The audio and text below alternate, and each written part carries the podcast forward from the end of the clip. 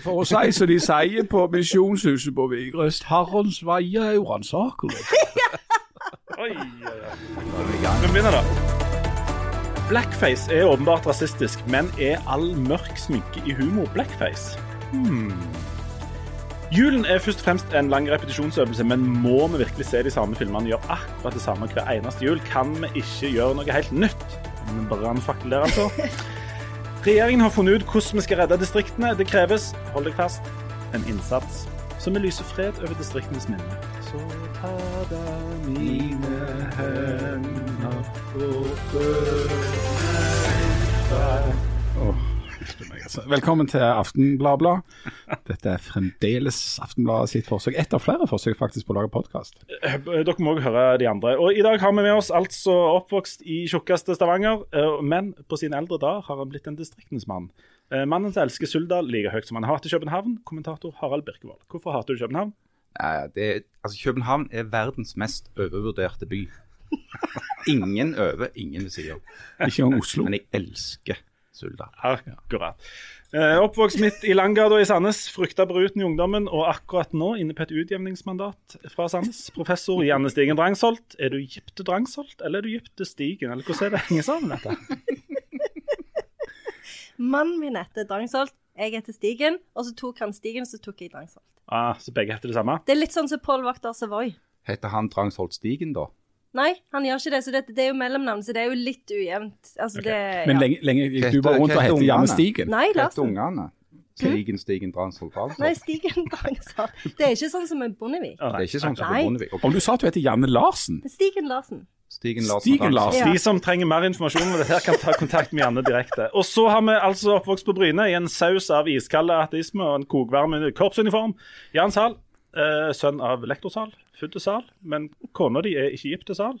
Men hun er Ada Johnsen, utdannet til Utsira. Er det på mors side, er det, eller? Det er på fars side. Det er på fars side. Men du har slekt i Sandnes òg? Uh, ja, det er tvillingbror til far min. Ja, der ser du. Han er født og det er jo far min. Og det er jeg. Og ungene mine, men ikke kona mi. På mor sin Hun er ikke gift til Sal heller. Hun er fremdeles Johansen. Og de som trenger mer info om det, kan ta kontakt direkte med Jan. Um, jeg er altså oppvokst på Misjonsmarka uten vann, strøm, barne-TV, lørdagsgodt og saccosekk. Um, og eh, altså Leif Tore Lindø. Lindø fra Egersund, ikke Haugesund. De der forbanna møkkagjengen som tror de er noe oppe fra Haugesund der som er på slutten av navnet. Jålebukka. Men får vi lov å ha? Nei. Da. Nei, vi skal ha én alene, for at den er jo det som bare vi har der, da. Så dere kan ikke ha E i navnet deres der, da. Forbanna Er det veldig krig i verden? Nei, ikke så mye krig nå. Men så du har gått rundt og er Lindø Lindø Uten E. Ja, uten E. Eh, ifølge sagnet så, så prøvde min farfar å søke om å få lov å ha E på slutten av navnet, og da sa de i Haugesund nei. Da gikk eh, farfar annet til banken og sa den E-en, den skal stå. Men nå er jeg, for jeg er veldig usikker, er det akkurat som Munch-navnet? At det er liksom Er det Munch? Eller Abel? Eller Nei, hva er det som er Det er ikke noen sånn som er beskytta? Jo, det, jo, det, det er et uh, beskytta navn. Ja. Det med E på Ja. Men om det er noe sånn, er det noe sånn litt sløvt og vammelt i uttalen òg av den Lindø med E, sånn at det blir Lindø? Ja, det, Lindø. det er det haugesundske. Haugesundsk, vet du. Er det du setter Lindø? Ja, litt sånn um, Men kona di er jo gift til Lindø. Og hun har bare ett navn, og det er mitt. Og sånn mener jeg. Sånn må Det er litt ordning og rede hjemme hos dere. Det er faktisk uh, orden med. Jeg, jeg kommer jo fra Hummersåk, og kona mi kommer fra 50-tallet. Så det smelter veldig greit sammen. Som hånd i hanske. Den Som perfekte hanske. Ja, men er det, er det den perfekte kombinasjonen, det? Ja, er det ikke det? Det Hummersåk og 50-tallet? Ja. Ja, jeg mener, jeg mener det er helt, helt ypperlig. Du, Vi skal snart inn på eh, en av våre favorittdisipliner, nemlig sentrum-periferi. Jeg skal ikke se vekk ifra at Jan eh, på et eller annet tidspunkt nevner steinrockeren. Ja, det, jeg sitter her og kjenner meg rett og slett litt sånn oppøste. Ja, er du jo litt oppøste? Ja. For, for eh, altså, eh, Jan og Harald har lovt å lage forholdsvis god eh, infotainment av Det, og, ja, for det, det er et så flott navn. Ja, av en utredning ledet av Viktor Normann. Og hvis ikke du kan lage infotainment av det, så kan du ikke lage infotainment av noe. Nei, det er eten mat. Ja, for, NOU-er, norske offentlige utredninger, Der fins ikke noe mer sexy.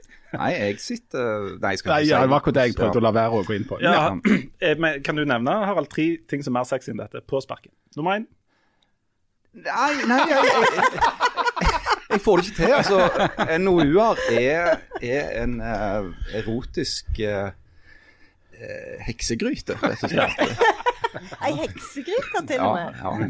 Det koker og bobler godt. Hvis dere trenger mer informasjon om dette, så kan dere ta direkte kontakt med Harald Birkevold. Så kan han forklare hvorfor NOU-er er erotiske. Lars.helle punktum at må være greia. Du, um, uh, det er mye å ta tak i nå, men vi tenkte at vi først skulle snakke litt om ei annen et minefelt, uh, brannfakkel og alt dette her. Altså Forrige torsdag så bestemte Discovery og Dplay seg for å fjerne julekalenderen 'Nissene over skog og hei', etter kritikk mot karakteren Ernst Øyvind. Og Ernst Øyvind, Det er ikke fordi at Ernst Øyvind sørlendingen er sørlending, men fordi at han er svart malt i fjeset i Espen Eckbos uh, Det er han som spiller han, og mange andre. Og eh, Reaksjonene kom på dette, uh, for det var flere som mente at dette altså faller under blackface-begrepet. og der har du et um, der har du opplegg. hvordan skal vi angripe dette? Er det noen som har lyst til å åpne? Jeg kan godt ta en rant, jeg. altså denne her tanken om, om renhet, at du aldri skal kunne ta noen for noe, og at du liksom alltid er sosialt våken for rasisme og for sosial urettferdighet, det er en tanke du bør bli fort ferdig med. altså. For verden er rotete og tvetydige, og folk som gjør veldig bra ting, de har òg feil og mangler. Og folk du er rykende uenige med, de kan òg være glad i ungene sine, og de kan ha ting til felles med deg. Og Jeg har rett og slett av og til inntrykk av at enkelte ganger så hersker det en tanke blant ja, visse unge folk, en tanke som da blir forsterka av sosiale medier, vil jeg si, om at måten å få til endring på liksom er å være så fordømmende som mulig mot andre folk. Men det er jo ikke nok. Sånn, som Hvis jeg hadde tweet eller hashtag om at eh, du gjorde noe feil eller brukte feil verb, og så kan jeg liksom sette meg tilbake og føle meg så bra, for nå har jeg liksom vist hvor gale du har handla. Men det er jo ikke aktivisme. Det er ikke sånt som det er der som skaper endring. Om alt du gjør er å hive stein på andre, så vil du ikke komme særlig langt, for det er rett og slett bare for enkelt. Hvem var det som sa dette? Det var du akkurat nå. Var det Sokrates? Nei. Jeg tipper alltid på Churchill. Det var ikke Ted Huge. Det var ikke Det Ted Hughes. Nei, det altså det hadde jeg oversett til, til norsk. Noe som ble sagt eh, høsten 2019 av en som heter Barack Obama. Som eh, går inn på akkurat det som dette Det handler var det da når han hadde den der woke-ranten sin. Akkurat det. Ja. akkurat det. Jeg hadde oversatt woke til sosialt våken for rasisme og sosial urettferdighet. Poenget er altså at det er noen krav nå for tida om en slags sånn renhet. Om at du skal ha på deg 2020-briller, og så skal du måle altså, Men det er ikke, dette er jo ikke et sånn stort folkekrav. Dette er noen veldig få som er veldig engasjert i et eller annet, og som ser historien og ser ting, fenomen, med noen veldig strenge 2020-briller. Jeg mener at det er dypt autoritært. Det er en måte å prøve å omskrive historie på og når du skal begynne å viske ut ting som har, har skjedd før. Om du skal redigere i bøker eller i sanger eller fjerne TV-program. Det er noe som har blitt gjort av andre regimer tidligere i historien, som eh, ikke er til etterfølgelse. Så jeg mener, jeg, jeg er, dette er ikke så overraskende, men jeg er meget kritisk til at en skal begynne å redigere vekk humor fordi at eh, det sitter med 2020-briller, vrange 2020-briller, eh, blir sett på som rasistisk. Altså, Det er ingen tvil om at det programmet som nå Discovery har tatt vekk, eller Dplay Espen Eckbo har aldri intendert at det skal være rasistisk. Det er ikke rasistisk. Det er like mye en utrytning av sørlendinger som det er, måtte eventuelt være av noen med brune hud. Men de som reagerer på dette, mange mener jo at vi ikke skal legge så mye vekt på hva folk har uh, hatt som intensjon og meint og, og sånt. Det er hvordan folk oppfatter det som er Men hvor mange var det som oppfatta dette som rasistisk før nå? Det var Jeg tippet bare på tall, jeg har ikke peiling. Eh, det som jeg tenker om dette, det er at det, det er litt synd at eh, debatten om blackface, så, som altså er et uttrykk som oppsto i eh, sånne revymiljøer i USA, som de kalte for minstrel shows, og som oppsto allerede sent i middelalderen og kom til USA da med innvandrere fra Europa. Eh, der svarte ble spilt av hvite i den hensikt, i den uttalte hensikt å latterliggjøre de. Altså det var en, nærmest en rasistisk demonstrasjon. Eh, og så blir, eh, som, som blir fordømt helt eh, altså på, Det er fullstendig åpenbart at det er, eh, ikke var en praksis som var spesielt hyggelig. Men så blir den da, da overført til andre sammenhenger, eh, der enhver eh, hvite skuespiller som eh, tar på seg sminke for å se ut som han ikke er hvit, eh, per definisjon gjør noe galt.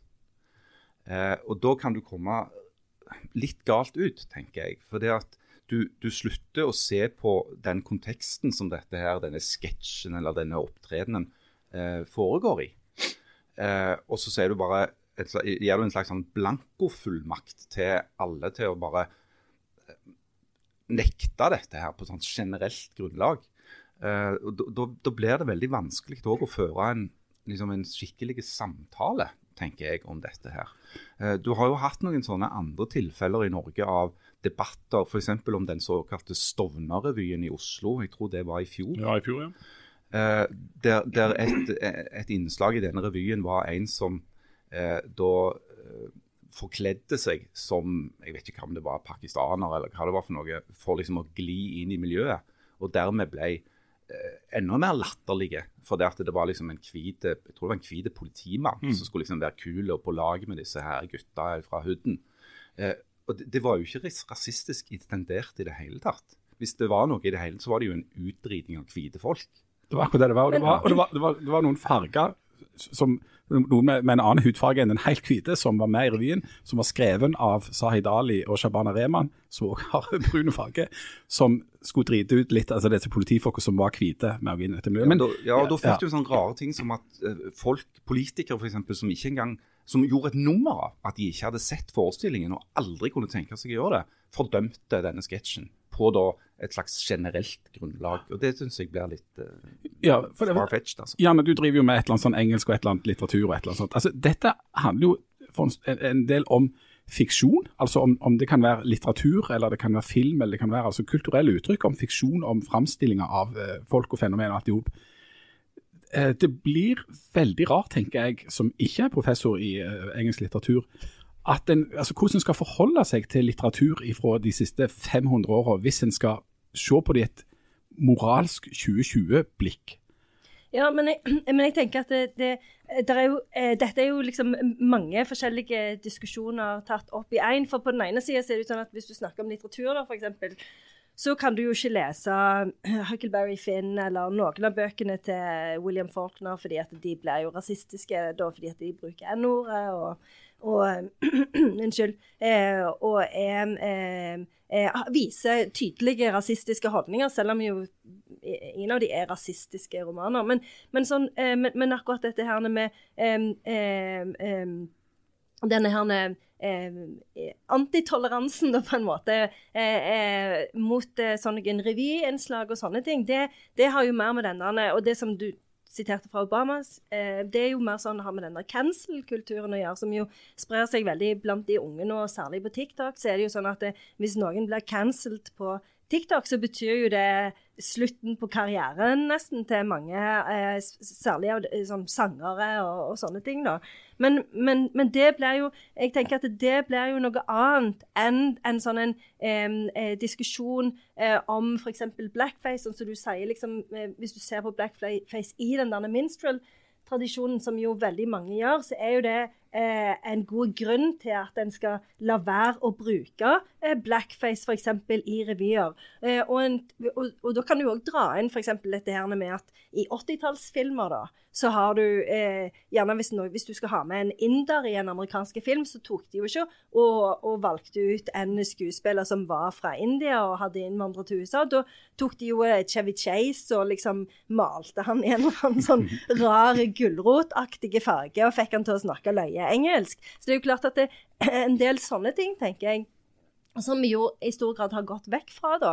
Eh, det gjør jo at en del filmer og innslag og sånn, når du ser de nå, i 2020, så virker jo Det er jo ikke liksom gjerne først og fremst det at de virker rasistiske, for det gjør de jo, men de virker litt de virker irrelevante. Men, men når, når, du ser et TV-program eller en sketsj eller leser en bok eller en tekst ifra en viss tid, så, så, leser du jo den fordi at den er, eller altså, som et eksempel på den tida og på noe som, som ble gjort og sagt og tenkt, og altså uttrykk for en slags mentalitet. Og, sant? Sånn at når vi ser nå eh, en del av det Harald Eia de, eh, gjorde av humor, det har jeg tenkt på flere ganger. altså der, der eh, Harald Eia har malt seg brun i ansiktet og snakker om et spørsmål om respekt. Sant? Se meg inn i øya, Jøllestrud. Ja, sant? det så, så, så tenker jeg at det kunne du sannsynligvis ikke gjort i dag. Det er jo veldig synd, for det er jo som er veldig synd, for det er kjempeløye. Det er jo det som er det viktigste med humor, om det er løye eller ikke. Men det er jo et interessant uttrykk for 90-tallet. For hvordan, tenkte en om, om humor da?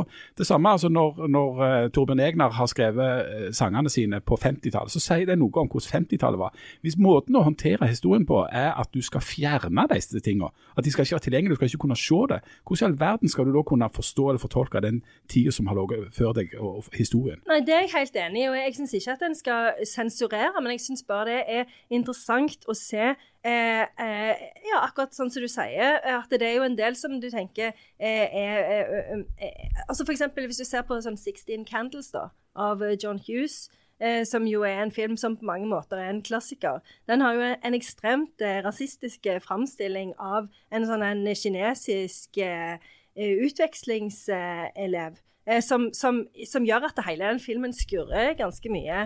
Eh, og det er jo samme med en del av sånn så eh, altså det der Når en ser 80-tallsfilmer nå, og så ser en at det er bare menn som er, er, har snakkende roller. Sånn kvinner er med gjerne i fem minutter for å være kjæresten til noen. og Det, det, altså, det er jo mye som, ja, men det er jo mye som gjør at det er eh, ting som, som er, som er lagt tidligere, føles irrelevante eller problematiske på et eller annet eh, vis. Men jeg syns jo ikke at det, det nødvendigvis gjør at du skal sensurere det. Men, men, eh, men, men, eh, men samtidig så kan det jo være en grunn til å sensurere det.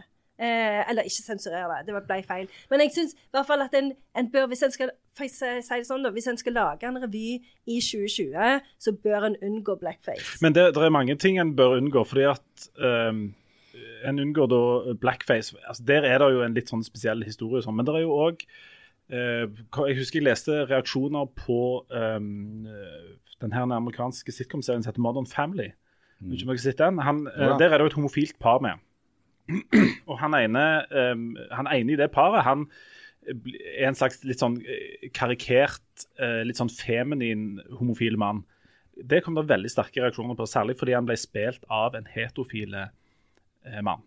Eh, men hvis du ser den serien, så er det jo sånn at alle rollene der er eh, karikerte. Det er ei stressa Um, uh, så vindrikkende hjemme, sånn soccer mom. Uh, der er ei hissig latinodame. Der er en gammel, sur, forutinntatte mann med mye penger. Altså, Du har hele det der spekteret. Men der er Og hvis du ikke skal kunne gjøre noen av disse her, så ender du jo opp uten humor. Jeg mener at humor er den ultimate formen for inklusjon når du kan drite ut alle.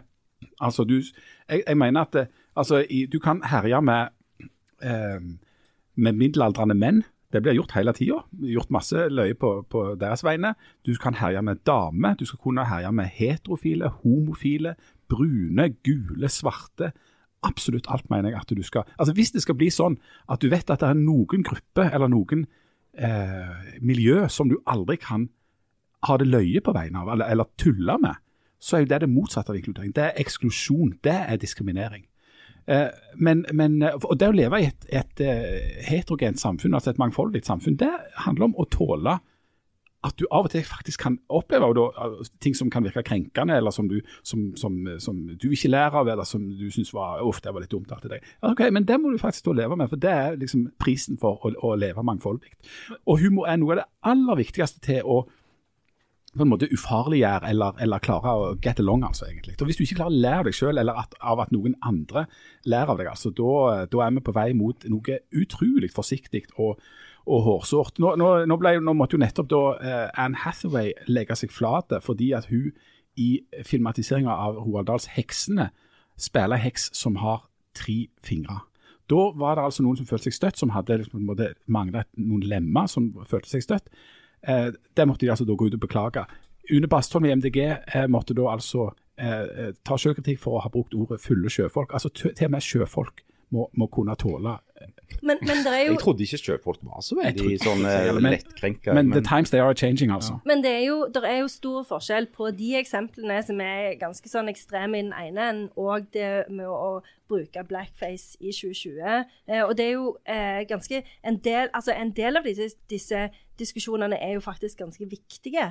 Eh, så jeg tenker at det, eh, selvsagt er det jo sånn at en skal liksom ikke eh, en skal liksom ikke bli eh, cancelled da, for å bruke et feil ord eller for å si en feil ting. Men, men, men det er jo Men det blir en jo nå. Ja, ja, en gjør jo det. Men, det det, men jeg, jeg syns likevel at dette er en viktig prosess eh, å ta. Og, og, og, selvsagt så vil en få eh, ekstreme eh, ekstreme eh, eksempler som, som, bare er tullete, og som en ikke altså, men, men, jeg tenker at hele denne prosessen er jo viktig å ta. Så kommer det antageligvis noe godt ut av det. Men jeg syns jo at det, det, er jo noe som en må diskutere, selvfølgelig. Sånn at det, det, ikke blir sånn at en ikke kan tulle med noe, eller at en ikke kan eh, altså, Dessuten så er jo dette en dynamisk materie. Sånn, dette forandrer seg jo hele tiden. Det er jo en god del uttrykk som vi i dag selvfølgelig ikke vil bruke lenger. Eh, fordi de har fullstendig gått ut på dato. og, og, og virker helt, Det virker jo helt demonstrativt tåpelig å bruke de i dag. Eh, og Sånn vil det jo sikkert òg være med, med, humor. Men jeg tenker jo at den, det, det, det, beste angrepet på humor du ikke liker, det er å si at det ikke er løye. Det, er jo det, det, som er, det er det er liksom lakmustesten på humor. da. Ja, løye, hvis det ikke er løye, men, ja. men da må du også si det er ikke løye for meg. Det kan jo godt være at det er løye for noen andre. Uh, men det er klart at du, du, kjenner jo igjen en dårlig humor når du ser den. Sant? Altså, rasisme er ikke morsomt. Ja. Nei, det men, men, men, det kan være forferdelig morsomt å tulle med rasisme. Mm. Ja. Men det, kan det være at vi både burde ha har kunnet leve med at Espen Eckbo malte seg mørk i fjeset og spilte sørlending for noen år siden, samtidig som at vi kan tenke tanken at uh, ikke sikkert han hadde gjort det i dag, og at det kanskje er like greit. Kanskje de to tingene lever litt sånn side ved side? Jo, men jeg er fortsatt helt sikker på at det går an å lage bra humor med en eller annen form for blackface uh, i dag òg. Altså, Lakmustesten på humor er jo om det er løye. Punktum finale. Så, så hvis det blir gjort med en form for intelligens, da, det er det det handler om. Jo, og, og, det er det jeg mener som ikke går opp nå. Jeg tror det var uh, hun, Hanne McBride vel, som var representant for Dplay, som gikk ut og sa at det skal være stort, stor takhøyde og, og liksom romslig for hva, en kan lage humor på. Men du kan ikke både si det og så uh, avpublisere humor der det har vært takhøyde, for da er det ikke takhøyde. da. Jeg syns NRK har gjort det rette når de har sagt at det blir ikke aktuelt f.eks. Å, å ta vekk borettslaget, mm. hvor, hvor Robert Stoltenberg har denne karakteren Ali, er det ikke det? Jo. Uh, for det, det, det, ville jo være helt merkelig om en skulle på en måte drive med den typen sånn uh, utvisking av historie.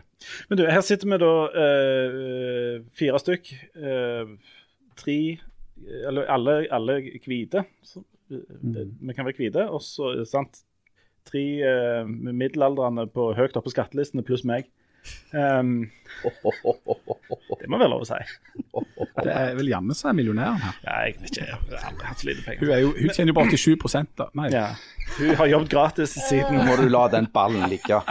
Nei, men poenget mitt uh, Skal vi se om vi klarer å hente ja, jeg vet, igjen. vet hva poenget ditt er. at Vi kan ikke si dette fordi at vi sitter i sånne hvite middelaldrende folk i, i middelklassen. og derfor så, men jo, jo det, går, det, går, det, er et helt greit argument å komme med, men, men det, vil, det, betyr likevel ikke at jeg slutter å mene noe om dette. At det kan ikke være sånn, for det er jo en sånn cancel culture. Ja, fordi at, altså hvis, være, hvis, det ikke skal være lov å, å henvise til hudfarge og alder og kjønn og sånt, liksom at, ja, fordi at du er brun eller du er kvinne eller at du er uh, en anlegning, så får ikke du liksom, så skal du diskrimineres. Da må jo det gjelde den andre veien òg. Altså, hvis jeg er hvit og mann, og i 50 år, så må jeg, så, altså hvis det skal bli brukt imot meg at dermed kan ikke jeg snakke, så holder liksom ikke det heller. Ja, eh, også, lever jo han òg. Ja, jeg lever jeg òg og har rett til å mene noe. Det vil jeg på en måte stå på helt fram til jeg slutter å mene noe.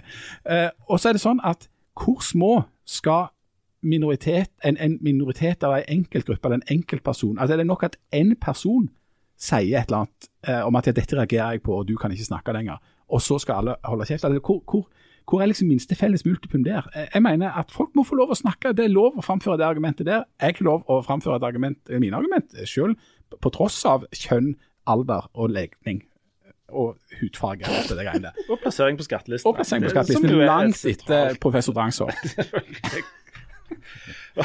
All right.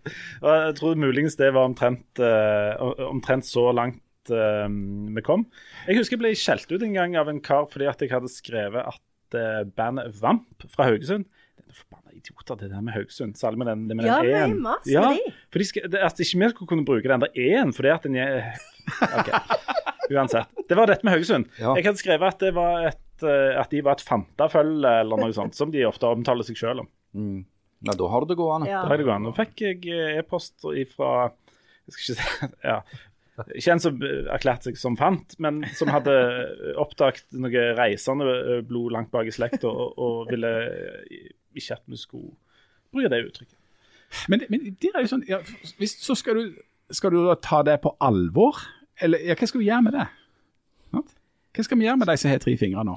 Ja, men, men du klarer jo Men de med tre fingre, det er jo kjempesynd på de. Ja, det er synd Men, om deg, men, ehm, Ja, det er mer synd men men det, de går med an det går jo an å ta en vurdering.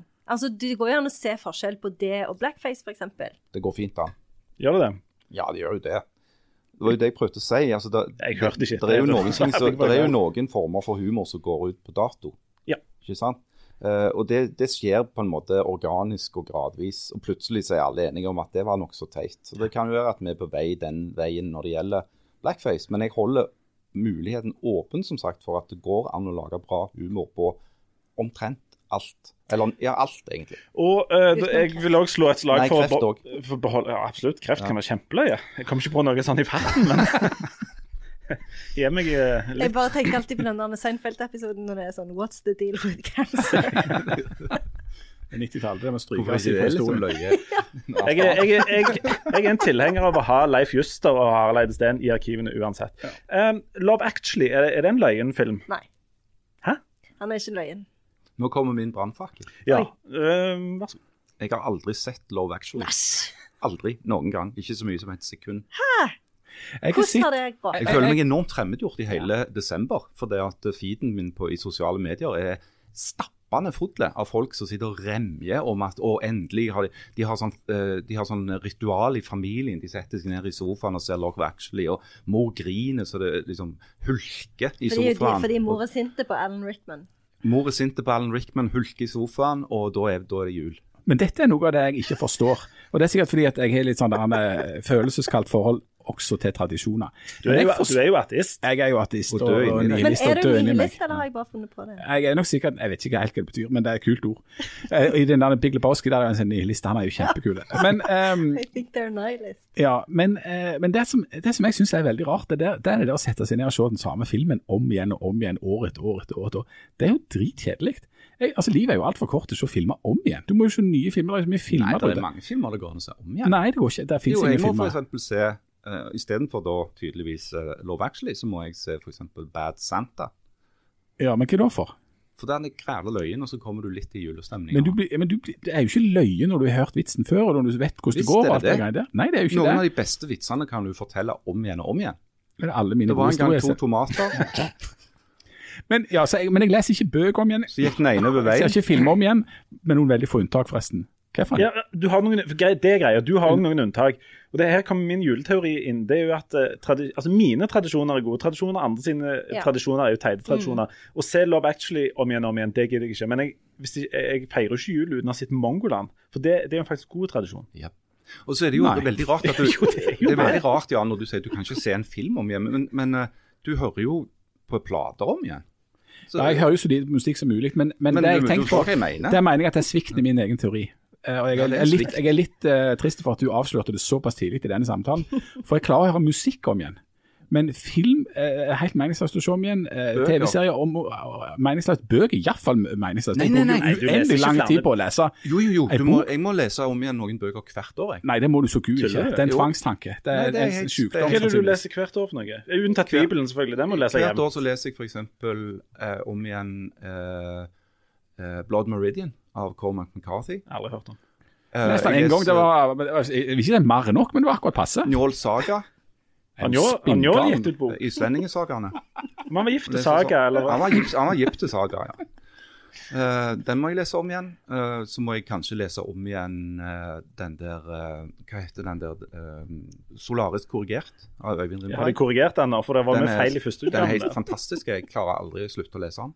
Men dette er jo helt absurd, Harald. Dette er jo, dette er jo, det er jo helt meningsløst. Livet er så uendelig kort. Og så Nunamius av Helge Ingstad. Og så kommer det ut altfor mange bøker hvert eneste år. Mange av de er grævlig gode. Og de er grævlig tjukke. Og mange av de er grævlig tjukke. Og så sitter der og bruker opp eh, den korte, tilmålte tida på jorda her, som på mange måter kan kjennes meningsløs sånn i seg sjøl, men på å lese lese altså, noe du har lest om igjen Altså, Jeg leser jo tre-fire romaner samtidig hele tiden. Og 90% av det jeg leser, er jo noe jeg aldri har lest før. Men 10% er så bra at jeg må lese dem om igjen av og til. Men, men, men verken Love Actually eller Trinete fra Askepott er jo så bra. Nei, du bare Jeg syns du, du leser så mye, Harald. Jeg blir så imponert. Nei, Han bare sitter og jåler seg til bare Ja, fordi at du sitter der med den enorme inntekten under professortittelen din.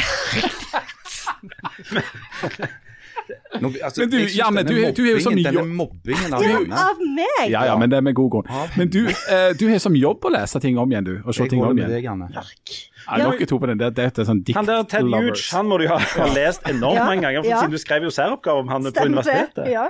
Men har du, har du mange sånne juleting som du gjør om igjen om igjen? om igjen, om Eh, igjen? Det som jeg merker i år For i år eh, er jeg jo litt lei eh. Generelt, Ja. eller? ja. Eh, og eh, vi så Love Actually på fredag, og så har det vært litt løye å gjøre narr av han de siste årene, men i år var ikke det noe gøy engang. Sånn, det var, jeg syns jeg synes alltid det er løye når han sier sånn It's not funny, it's art. Og Da bare ler vi, og så gjør vi narr av han. Han der stalker-fyren. Ja.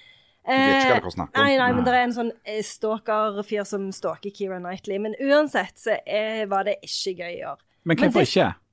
Det var bare kjedelig. Jeg Ja. orker ikke se det på ny. Hater alle, utenom Alan Rickman, som jeg jo hater og elsker samtidig. Derfor jeg griner så mye. Men det som skjedde i år, da, det var jo at jeg begynte å grine etter fem sekunder. Fordi det begynner med at de er på flyplassen, masse, de filmer masse folk som er i avgangshallen, på, eller ankomsthallen på flyplassen.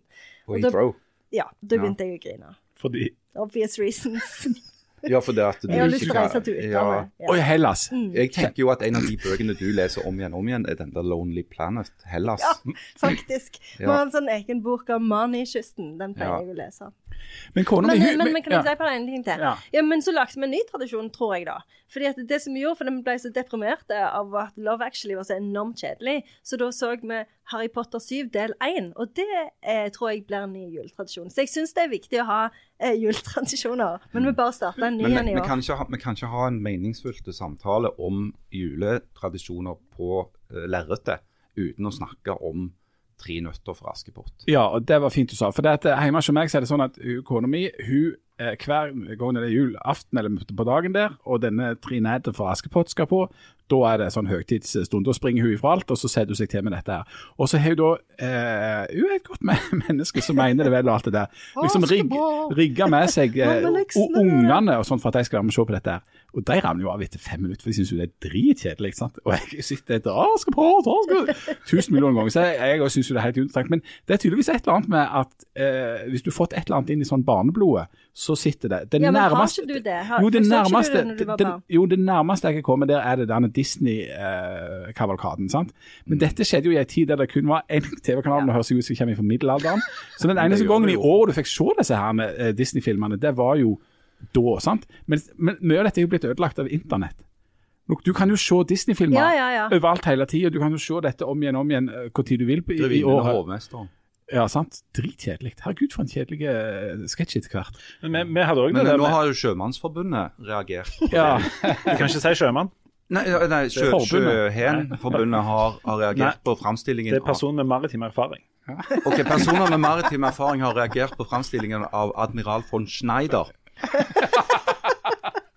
Som de mener blir karikert. eh, Er på en han i måte som- marinen? Som, er admiral, ikke Ja, sant? ja, okay, ja. Eh, Mhm. Så, så han blir karikert på en måte som veldig mange da, folk med maritim erfaring reagerer på.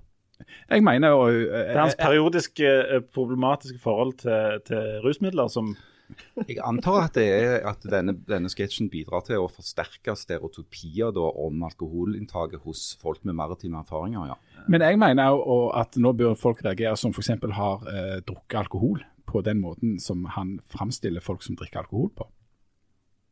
Hvordan skal de reagere? Jeg drikker ikke alkohol.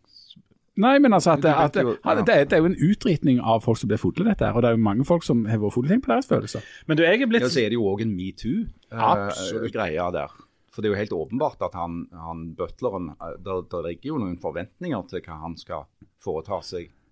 Ja, men er metoo på vegne av henne, eller? Det er det huset, på en måte? Det Nei. ja, altså, det, jo, det, hun er jo arbeidsgiveren hans. Ja, og derfor er det det som er jo et maktforhold. Ja, nettopp det. Så derfor, er det, derfor er det jo han som er offeret her i denne Absolutt. sammenhengen. Og Da må vi jo snakke om den tigeren som ligger der. Hun drikker han full, og så Ja, ja Eh, Ja, hun skjenker han, og så går hun og nettopp. Her har dere Da har vi det. Her har vi, her eh, ordner vi opp. samfunnsanalyse av, Ja. av, av grevinnen og hovmesteren. Jeg er blitt så, såpass gammel. Jeg er jo sånn 15-20 år yngre enn dere, da. Eh, det skal sies. ja, Og mye lenger ned på skattelistene. Ja. Men, men jeg har jo blitt såpass gammel at jeg, eh, jeg kan ta meg sjøl i å si at nei, vi må mest se grevinnen og hovmesteren, ja.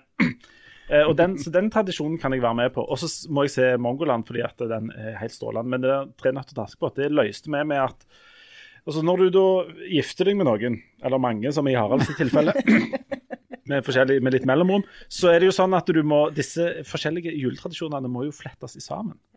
Og da, eh, Kona mi sin juletradisjon var å sitte i pyjamasen og se disse endeløse rekkene. Askepott og Timmy gresshopp og what's not. Mens vår tradisjon det var å sette oss i bilen og kjøre opp på gården, eller garen. Og sitte der og spise grøt og snakke om forskjellen på lepse og krådekake. Eh, og bli prest på delfiakake og bordstabler og forskjellig. Eh, og dette måtte jo hun være med på. Og dette foregår midt i Askepott-tida. Midt i, i gullrekka, liksom, på, på, på formiddagen på Og første gang dette inn, inntraff, så da var, hadde vi en situasjon i heimen. Altså. Da var det veldig nærme eh, sånn familieterapeutkontor. Så hun ble Men hun hvordan har dere med. løst dette her, da? Nei, altså, siden vi kommer fra 50-tallet, så gjør jo hun sånn som jeg har bestemt.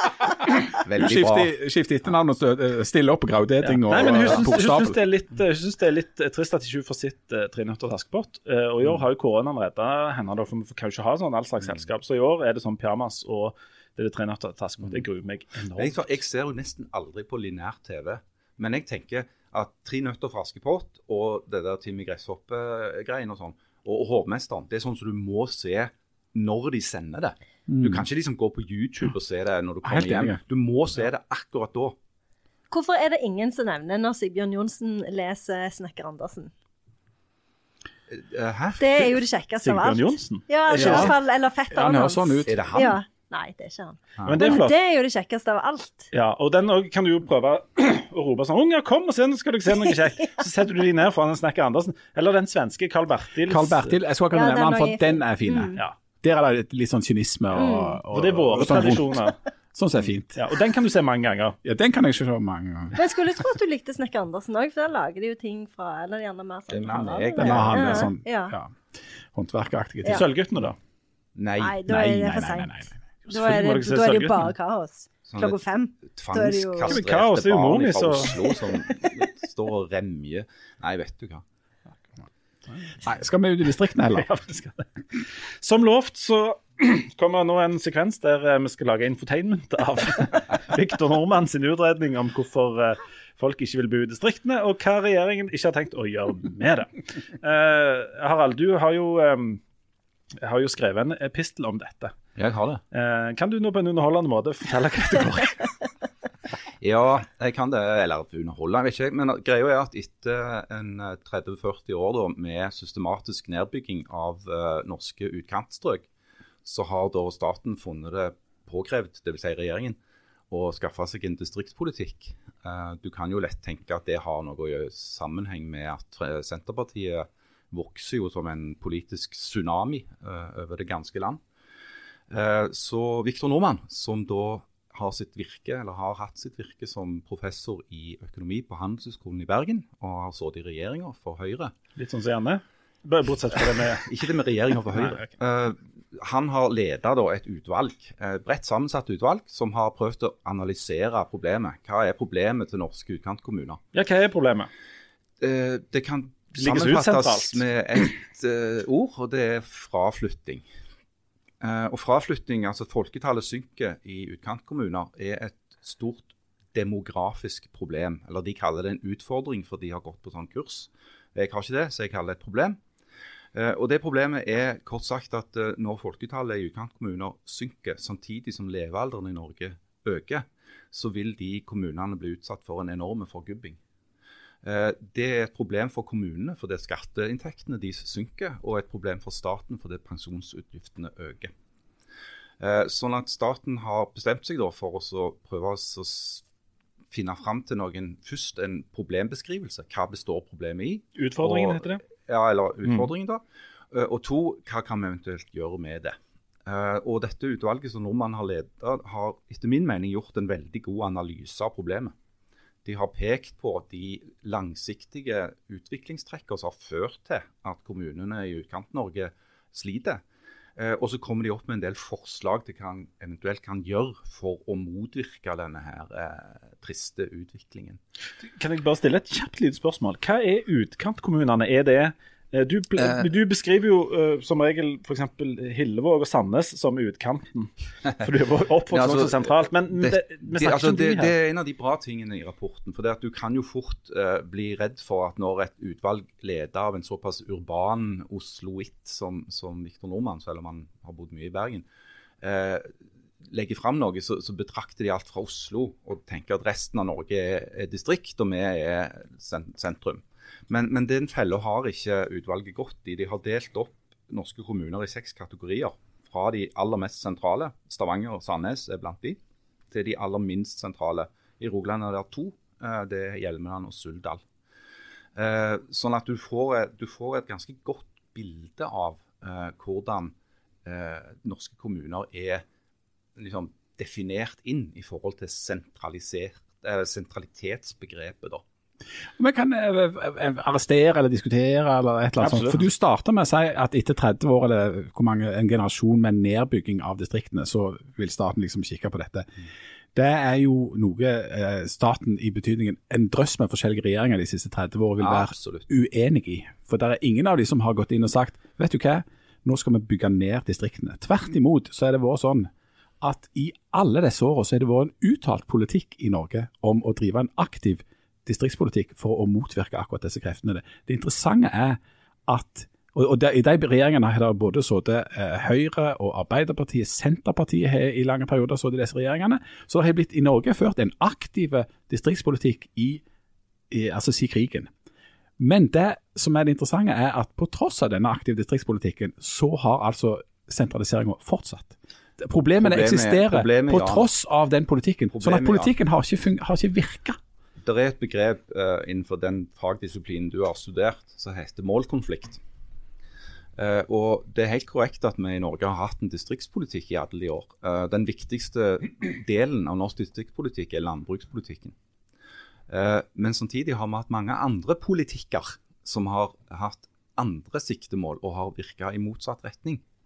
og Dette er jo velkjent for alle som studerer statsvitenskap, at staten er et stort og komplisert dyr som kan ha målsettinger som faktisk går helt på tvers av hverandre.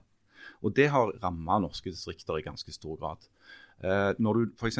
har en situasjon hvor norske distrikter har ført en forgjeves kamp for å få den infrastrukturen som vi tar for gitt i tettbygde strøk, eh, og har mislykkes år etter år, regjering etter regjering, eh, nasjonal transportplan etter nasjonal transportplan, så sliter vi med de samme problemene. Med dårlige veier, med dårlig utbygd telekommunikasjon, dårlig fiberdekning og sånne ting. I tillegg så har du hatt en haug med strukturelle reformer som har ført til nedbygging av skoler, nedleggelse av sykehus, nedleggelse av politikammer osv. osv. De tingene har skjedd parallelt med at vi har hatt en såkalt distriktspolitikk. Og så har det skjedd parallelt med at det er jo en stor megatrend i hele verden som handler om sentralisering. Folk flytter fra landsbygda og til byene. og Det interessante er at Victor Viktor Nordmann igjen sier dette som har blitt sagt mange ganger før, at eh, den eh, flyttestrømmen bør stoppes og aller helst snus. Det interessante er hvorfor er det så få som vil bo på bygda allikevel. sant? dette med aktiv distriktspolitikk det er litt sånn som aktiv sexliv, som alle sier de har det, men alle vet alle har egentlig gitt opp. men, ja, for det, men så, jeg har jo ikke utdanning i statsvitenskap eller noe sånt, men det er jo eh, en kjent sak at det er, altså, samtidig som den industrielle revolusjonen setter i gang, så begynner jo folk også å flytte fra landsbygda inn i byene. og eh, Storfamilien krymper sammen til kjernefamilien. og Så begynner jo kvinner å ta utdanning, sånn som du skriver i teksten. Ja, det er en av de største ulykkene som har skjedd. Ja, det er jo helt, eh, en stor katastrofe. Og, det og de tjener derfor... nesten ikke penger hjemme. Nei, nei, det er jo... Noen tjener åpenbart penger, det er bare kjekt. Uansett. Ja. Men eh, det var jo derfor, mobbe, Janne. det var jo derfor eh, um, The woman question ble sånn et stort problem i England på 1800-tallet. fordi at en så for seg at hvis kvinner skulle begynne å drikke kaffe og gå med bukser og ta utdanning, så var det jo ingen som ville få barn lenger. Men, men så jeg bare tenker at jeg skjønner ikke For det som dere sier, så skjønner ikke jeg at det skal hjelpe med en distriktspolitikk når det samfunnet som vokste fram etter den industrielle revolusjonen i så stor grad er lagt opp til at du skal bo i byen, at det er der livet er. Du kan bare se på Norge og Sverige for å skjønne betydningen av en distriktspolitikk. For det at I Sverige så er bygdene i stor grad avfolka pga. store strukturelle reformer i landbruket. Eh, opphevelse av bo- og driveplikt for mange generasjoner siden, som har gjort at eh, svenske bygder i stor grad nå er folketomme. Eh, I Norge har vi hatt en annen politikk. Eh, sånn politikk virker. Eh, politikk som har eh, lagt begrensninger på i oppkjøp av eiendom, f.eks.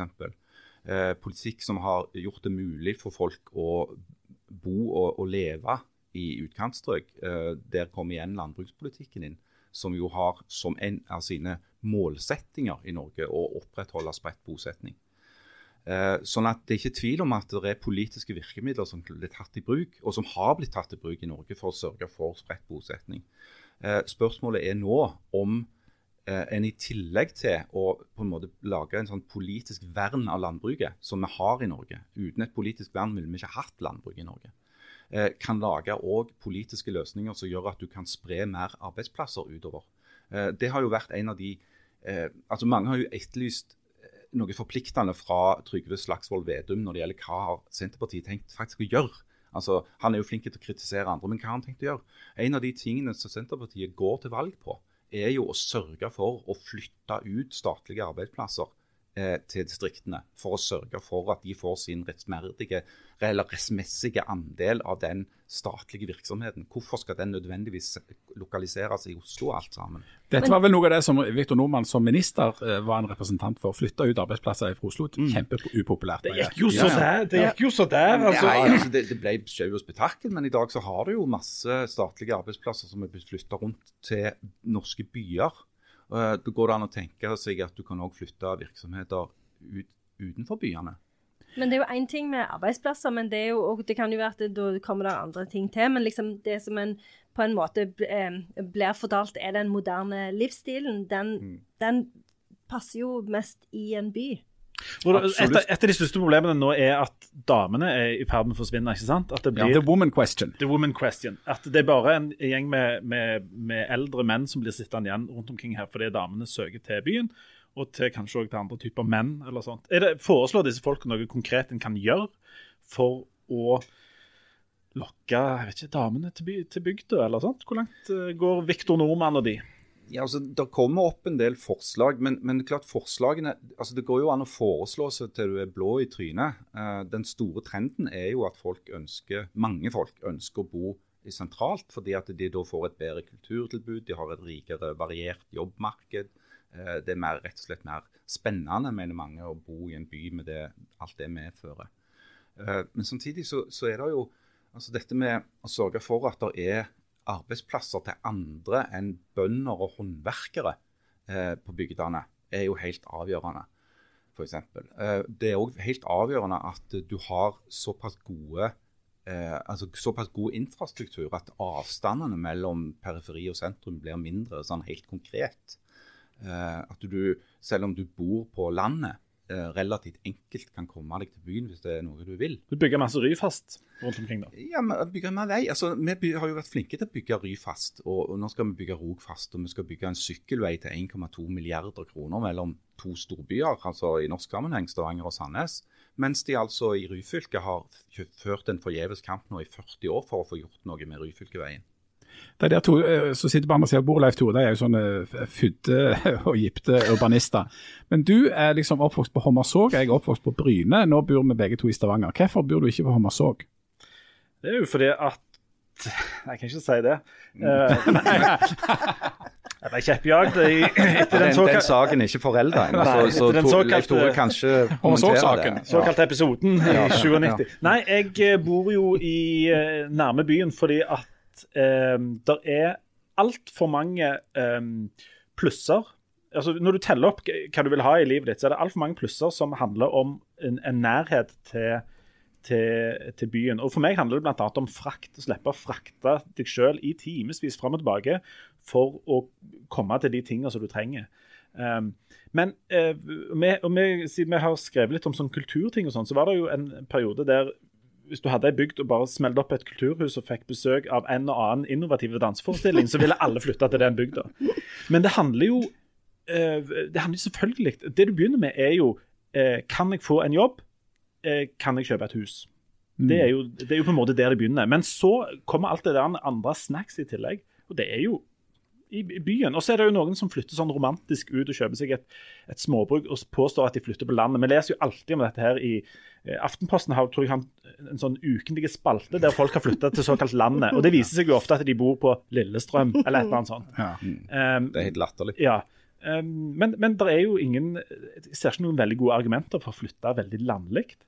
Nei, altså det, det, er en slags interessant form for sadomasochisme. Det er, vært eh, innslag på nyhetene de siste dagene om de, altså boligprisene i Oslo som fører til at det, det er så høye nå at hvis du er et normalt menneske med normal inntekt, ikke sånn som ja, så... så har du ikke råd til å kjøpe deg en plass å bo. Eh, men folk vil heller flytte til Oslo eller på et visst tidspunkt til Stavanger og, og betale seg i hæl på en eller annen sånn bitte lite krypinn, enn å flytte bitte litt ut forbi. Eh, få noe svært eh, kjempemye billigere. Eh, altså heller, heller, betale seg i hæl på noe smått inni der. sånn at det, det, må være noe som trekker noe kolossalt med disse urbane strøkene. Altså når, når, jeg var, når jeg var ferdig eh, utdannet sånn, Jeg er hovedfag i sammenhengende politikk. Det ja, spennende. Jeg vet ikke om noen andre på Bryne som har hovedfag i sammenhengende politikk. Og jeg, var, jeg, jeg vet ikke hvor, på hvilken måte jeg skulle ha kunnet jobbe med det f.eks. på Bryne eller Vigrest mm. eller i Eid. Altså det, det, er et problem. Også hvis jeg da i tillegg hadde en, en partner som òg hadde høyere utdannelse, eh, som var sosiolog eller sosialantropolog, hva skulle vedkommende holde på med det? Sånn at Det er noe med typen arbeidsplasser. En annen kompis av meg utdanna seg ferdig til jurist. Kom tilbake til Bryne etter endt utdanning og meldte seg liksom på Nav bare for liksom å starte en plass. Og Da var liksom forslaget der ja, kanskje du skal bli da, sånn advokatpraksis. Altså null innsikt i akademisk yrke da. Og så er det sånn at Alle kan jo ikke bli akademikere, men det må iallfall være et mangfoldig eh, yrkesliv ser at du til og med kan bytte jobb. Sånn sett syns jeg at det var litt smått å flytte til Stavanger fra Oslo.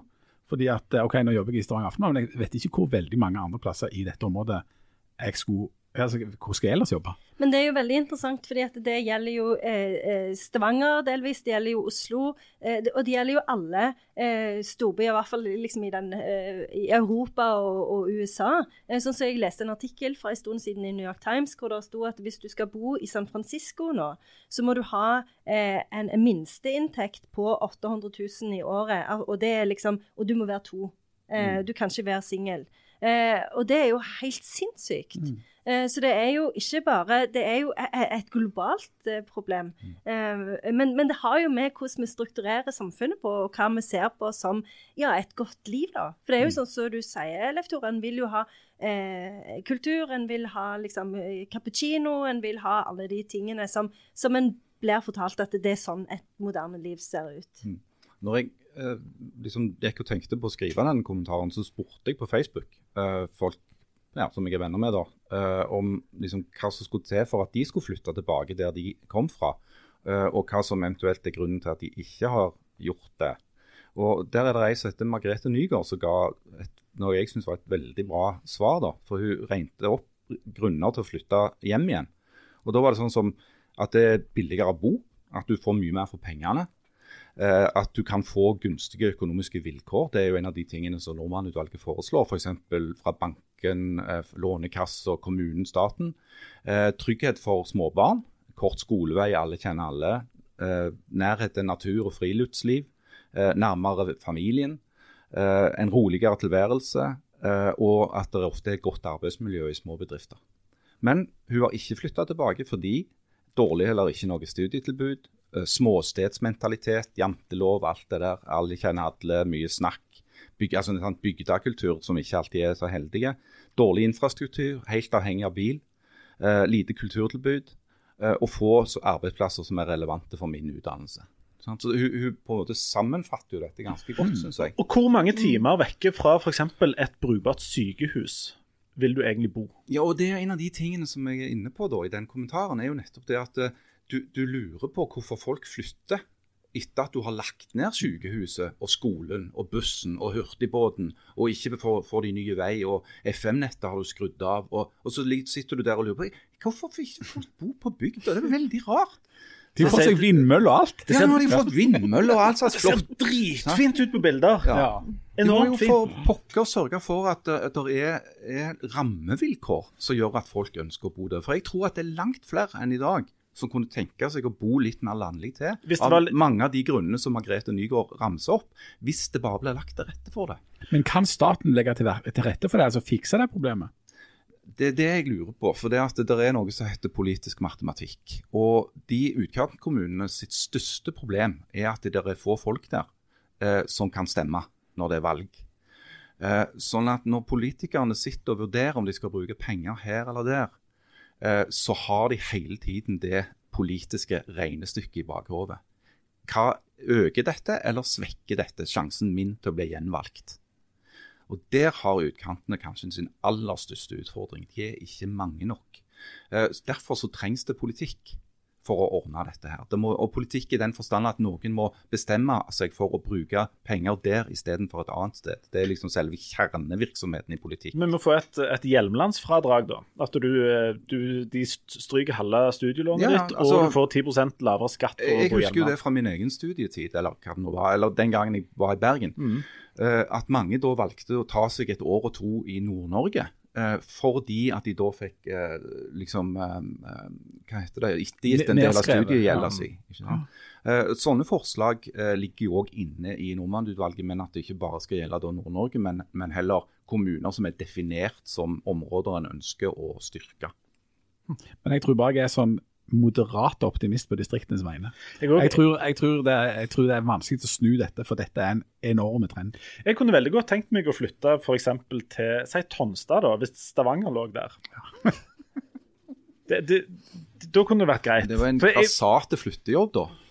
Um, jo, men hvis alle tar i et tak, tenker jeg, så er det ikke utenkelig. Alle tar hvert sitt hus, tar det på sånn trailert, og så bare kjører du. Men det folk sier om at uh, jeg kan godt flytte til bygda hvis de får alle de kvalitetene som er i en by, og det er jo vrient å få til begge deler. Ja, det er helt umulig. Ja. Uh, men jeg tror, som sagt, for å gjenta meg sjøl, at mange ville synes det var attraktivt å bo mindre sentralt hvis det ble lagt til rette for det. Og Da mener jeg ikke at du skal flytte Stavanger til Tonstad. Jeg mener at du skal flytte en del av de tingene vi tar for gitt i Stavanger, til Tonstad. Akkurat. Da kan de begynne å lage sånne brød som er kjempedyre og fancy, og bak i noen sånne flotte ovner. de er veldig gode, de brødene. Altså. Har dere smakt de brødene? Mm, de er kjempegode, de brødene. Og nå, ja, Jeg har ikke smakt akkurat det, men det er jo flere gode bakere som lager gode brød her, som er grævla dyre. Ja. I, I Tonstad har de bare en baker, og det er forloveren far med. Ja, men det er sånn kneip? Det er sant. Ja, det er faktisk sant. Er det kneip, eller er det grovt med sirup? Eller? Ja, begge deler, tror jeg, på en god dag. ja. Sånn ser litt mjukt ut. De har gode, gode, gode boller, og det er jo mye god jernbakst i distriktene, og ikke sånn surdeigsjåleri.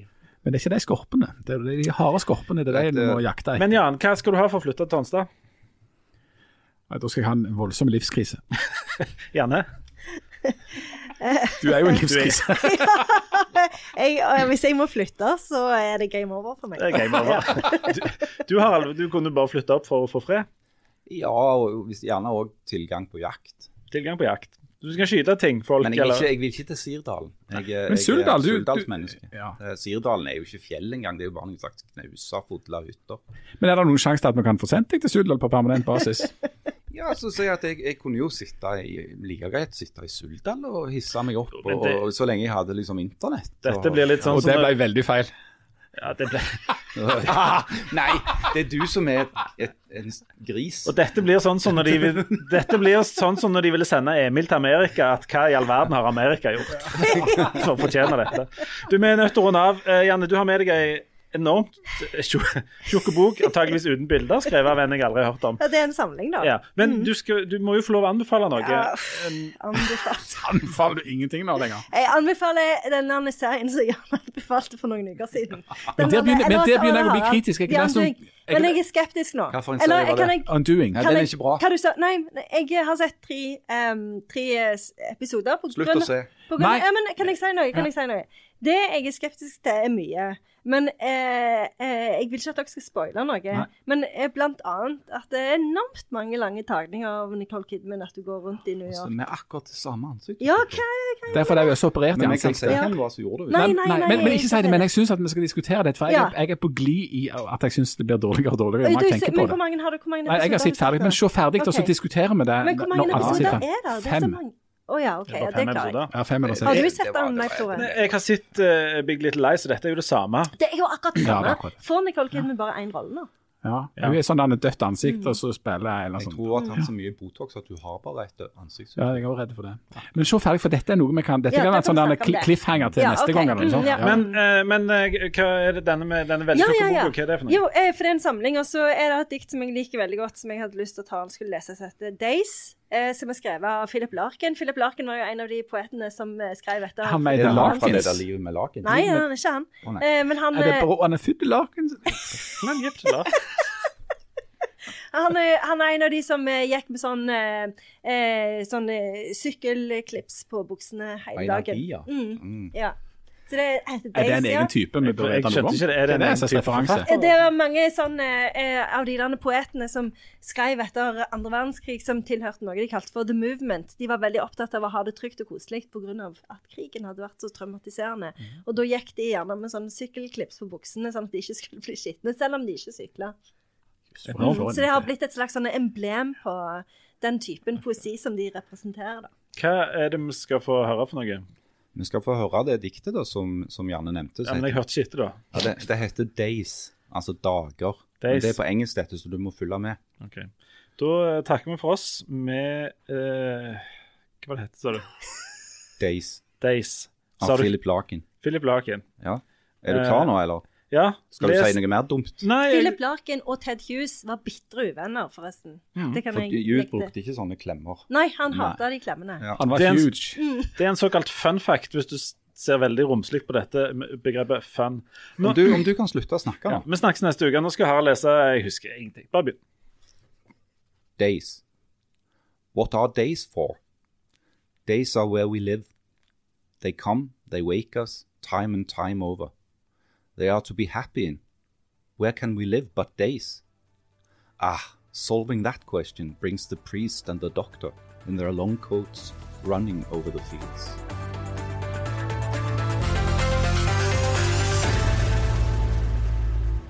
Og så kom jeg i tanke om at jeg kanskje en gang skulle overraske med å lese et erotisk dikt som jeg prøvde å sjanse på kona mi med, men som Har du det? Å ja, Ja. gjorde du det?